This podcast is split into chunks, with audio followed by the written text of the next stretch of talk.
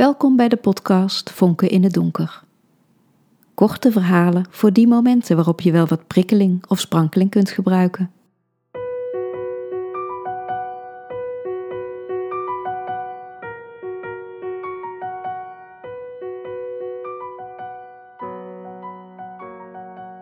Ingevallen billen. Poets je je tanden niet? Och, helemaal vergeten. Dan kun je het nu toch doen? Ik heb geen zin om er nog uit te gaan. Jeetje, is dat nou zoveel moeite? Ik lig net lekker. Toen ik hem net leerde kennen, vond ik het leuk dat hij zoiets als tandenpoetsen kon vergeten.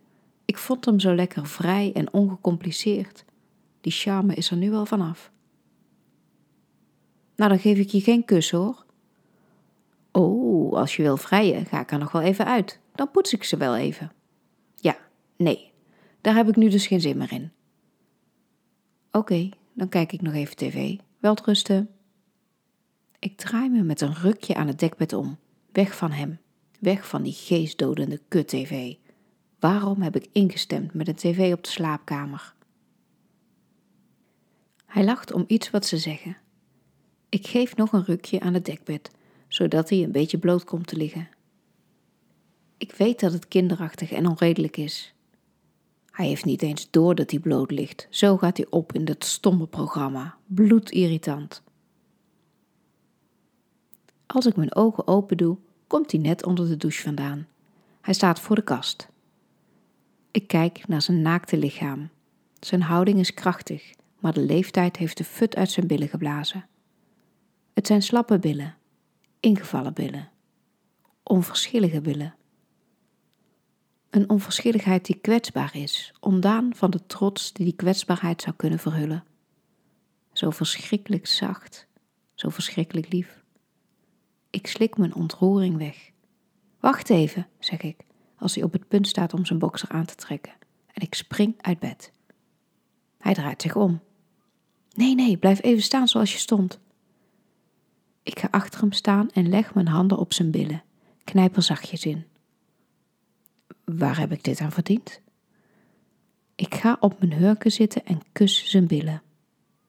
Ik beweeg mijn tong richting zijn stuitje. Hij schiet in de lach en knijpt zijn billen bij elkaar. Het moment is voorbij. Je hoeft geen trein te halen, toch? Even kijkt hij op. Dan gaat hij verwoed verder met het naar binnen werken van zijn avondeten.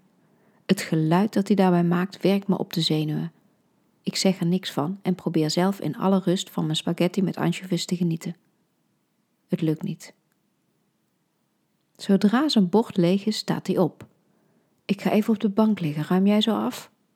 Oh, zeg ik. Ja, ik ben echt kapot van het werk. Hij laat zich op de bank vallen. Nou, ik ben ook moe hoor. Oké, zegt hij gapend en zet de tv aan.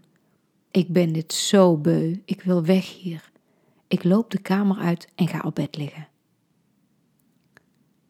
Natuurlijk kan ik niet slapen nu. Ik wil hem uit mijn bewustzijn hebben, ik wil hem buitensluiten. Waarom ben ik zo gemeen? Dat heeft hij toch niet verdiend? Ik zou hem duidelijker moeten zeggen wat me dwars zit. Maar ja, als ik met hem wil praten, heeft hij zijn aandacht altijd net voor iets anders nodig, meestal voor zijn telefoon. Of hij is te moe.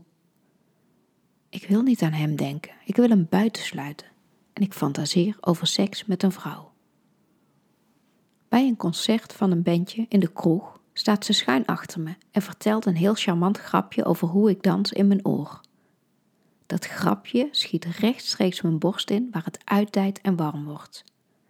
Ik bestel bier voor haar. Als ze naar de wc gaat, ga ik een minuut later ook. Er zijn drie wc's, alleen de haren is bezet. De haren, daar wil ik met haar zijn.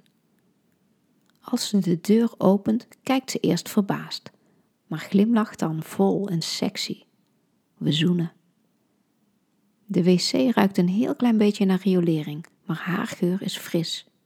Ze heeft zich vast gedoucht voordat ze uitging. Haar mond voelt wat koud aan en smaakt naar bier. Ik vind het heel lekker. Daaronder zit nog een warme, dierlijke smaak. Die vind ik nog lekkerder. We gaan de wc in waar ze net uitgekomen is en doen de deur op slot. Als ik met mijn hand onder haar t-shirt glij, gaat haar mond een beetje open. Met mijn andere hand trek ik haar rok omhoog. Ik ruik haar opwinding en adem diep in. Ik weet heus wel dat het mijn eigen opwinding hier onder het dekbed is, maar dat doet er niet toe. Het dekbed ruikt ook een beetje naar hem. Nee, nee, hij moet buiten mijn bewustzijn blijven, terug naar haar. Ze giechelt als ze met één voet uit haar onderbroekje stapt, dat nu om haar andere enkel op de grond blijft liggen. Ik kijk haar aan als ik haar aanraak. Ze is heel vochtig. Ik strijk langzaam met twee vingers op en neer. Dan strijk ik met mijn duim. Dat heb ik altijd alles willen doen. Zo met mijn duim voelt het heel bedreven. Ze zet één voet op de wc-bril. Ik ga op mijn knieën zitten en lik haar, terwijl ze met zachte vingers zonder grip houvast zoekt in mijn haar. Alles is zacht, warm en vochtig. Ik probeer mijn tong stil tegen haar aangedrukt te houden als ze licht schokkend klaarkomt. Ik blijf nog even daar beneden, bij haar vocht en warmte. Dan trekt ze me omhoog en kust me. Het besef dat ze nu zichzelf proeft is heerlijk. Nu jij, zegt ze. Ze gaat met haar handen onder mijn jurkje en trekt mijn onderbroek naar beneden en over mijn linkervoet. Met vijf zachte streken van haar vingers kom ik klaar. Met vijf zachte streken van mijn vingers kom ik klaar. Naspel is niet nodig. Ik ben tevreden over mijn onafhankelijke genot en sta op. Ik maak meer lawaai dan nodig is als ik de tafel afruim. Later die avond in bed vertel ik hem over mijn fantasie. Mijn biebijtje, zegt hij lachend. Ik bijt hem in zijn neus, net iets te hard. Auw! Sorry. Ik lik over zijn wang om het goed te maken. We vrijen vertrouwd en doeltreffend. Als we zijn bedaard, vraag ik hem of hij wel eens fantaseert over seks met een man. Nee, is zijn antwoord. Ook nooit een verlangen gehad? Nee, nooit. Ik voel een diepe teleurstelling. Jammer, zeg ik. Maar jammer is niet genoeg, dus ik voeg er aan toe.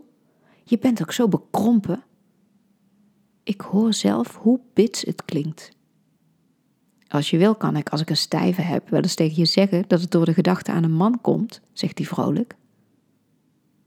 Er is niks onaantrekkelijkers dan liegen. Even is het stil. Ik denk dat hij toch een beetje uit het lood geslagen is en dat geeft een licht bittere voldoening. En nu wil ik dus dat hij zegt dat hij er niet aan toe komt om over een man of over wie dan ook te fantaseren, omdat hij alleen maar mij wil. Maar ja, ik heb net gezegd dat er niks onaantrekkelijkers is dan liegen. Stuurs meisje, zegt hij, zachter dan ik verdien. Ik vind het fijn dat hij me meisje noemt, maar wil dat niet laten merken. Burgerlijke boer, antwoord ik, en we schieten samen in de lach. Als ik aan het eind van de dag terugkom van mijn werk en de voordeur open doe, hoor ik de schietgeluiden en ze uitroepen al. Nee, nee, nee, fuck, tering, kut! Hij kijkt niet op als ik de kamer binnenloop. Je zou toch koken, zeg ik. Wacht even, ik zit nog in een potje. Kleuter, zeg ik in mezelf. Ik ga achter hem staan en probeer mijn ergernis op hem over te brengen. Ha schat, zegt hij als hij het spel afsluit. Dan klikt hij ook meteen Facebook weg. Een bittere scheut in mijn borst. Hij draait zich naar me om. Je zou toch koken, herhaal ik. Ja, dat ga ik nu ook doen, maar ik was zo moe dat ik eerst even mijn hoofd leeg wilde maken. Vind je het gek dat je moe bent? Hm, hoezo? Je staat nooit stil bij wat je bezighoudt. Je onderdrukt je gevoelens en je verspilt je aandacht aan stomme spelletjes, televisie en Facebook. En als je naar bed gaat, vergeet je zelfs je tanden te poetsen. Eh, wat? Wat is je probleem? Heb je een slechte dag gehad of zo? Nee, ik heb geen probleem, maar jij klaagt steeds dat je moe bent, maar doet ondertussen niks anders dan stompzinnige, aandachtverslindende dingen. Je hebt het wel veel over aandacht. Ik krijg het idee dat jij aandacht tekort komt, prinses. Hij doet zijn best om het grappig te laten klinken, maar ik hoor de scherpte in zijn stem. Ook al heeft hij gelijk, Ik weet dat ik het met woorden altijd win. Kijk, zeg ik ingehouden. Dit doe je nou steeds als ik je ergens op aanspreek. Je legt het bij mij neer, zodat je niet naar jezelf hoeft te kijken. Tegen wie heb ik het? Flitst het even door mijn hoofd. Je bent onredelijk, zegt hij. En nu doe je het weer, gooi ik er triomfantelijk uit. Met jou valt niet te praten, zucht hij nog. Hij staat op en loopt de kamer uit. Zijn broek zit los om zijn billen. Daar is nu niks charmants aan. Mijn ja hoor, loop maar weg en zijn kinderachtig. Botsen in de gang nog tegen elkaar voordat hij de voordeur achter zich dichttrekt. Hij zal dadelijk geen sorry zeggen. Hij hoeft ook geen sorry te zeggen. Als hij zich onderdanig zou opstellen, zou dat me tegenstaan. Wat niet eigenlijk. Ik ril even bij het gevoel van weerzin als ik me voorstel dat hij zou zeggen: Ik kan ook niks goed doen, hè? En wat als hij me zo meteen recht aan zou kijken? Als hij dwars door mijn venijn heen zijn armen om me heen zou slaan en zijn mond boven op mijn hoofd zou laten rusten. En als hij dan zou zeggen, zo met zijn mond boven op mijn hoofd: Ik weet dat je het schitterende middelpunt van het universum wil zijn. Ik weet hoe bang je bent. Ik weet dat je wilt tieren en krijsen. Ik weet dat je allesomvattend liefgehad wil worden. Ik weet het. En dat hij dat dan allemaal met humor, maar zonder sarcasme zou zeggen. En dat hij me daarna aan zou kijken en zou zeggen: Ik hou toch wel van je. En dat we dan niet per se seks zouden hoeven hebben, maar dat het er toch van zou komen. Ach ja, hij zal dadelijk wel thuiskomen en thuis gehaald hebben, omdat hij weet dat ik dat lekker vind. Hij zal voorstellen om samen een serie te kijken en we zullen het er niet over hebben. Misschien knijp ik wel weer even in zijn billen als we straks in bed liggen.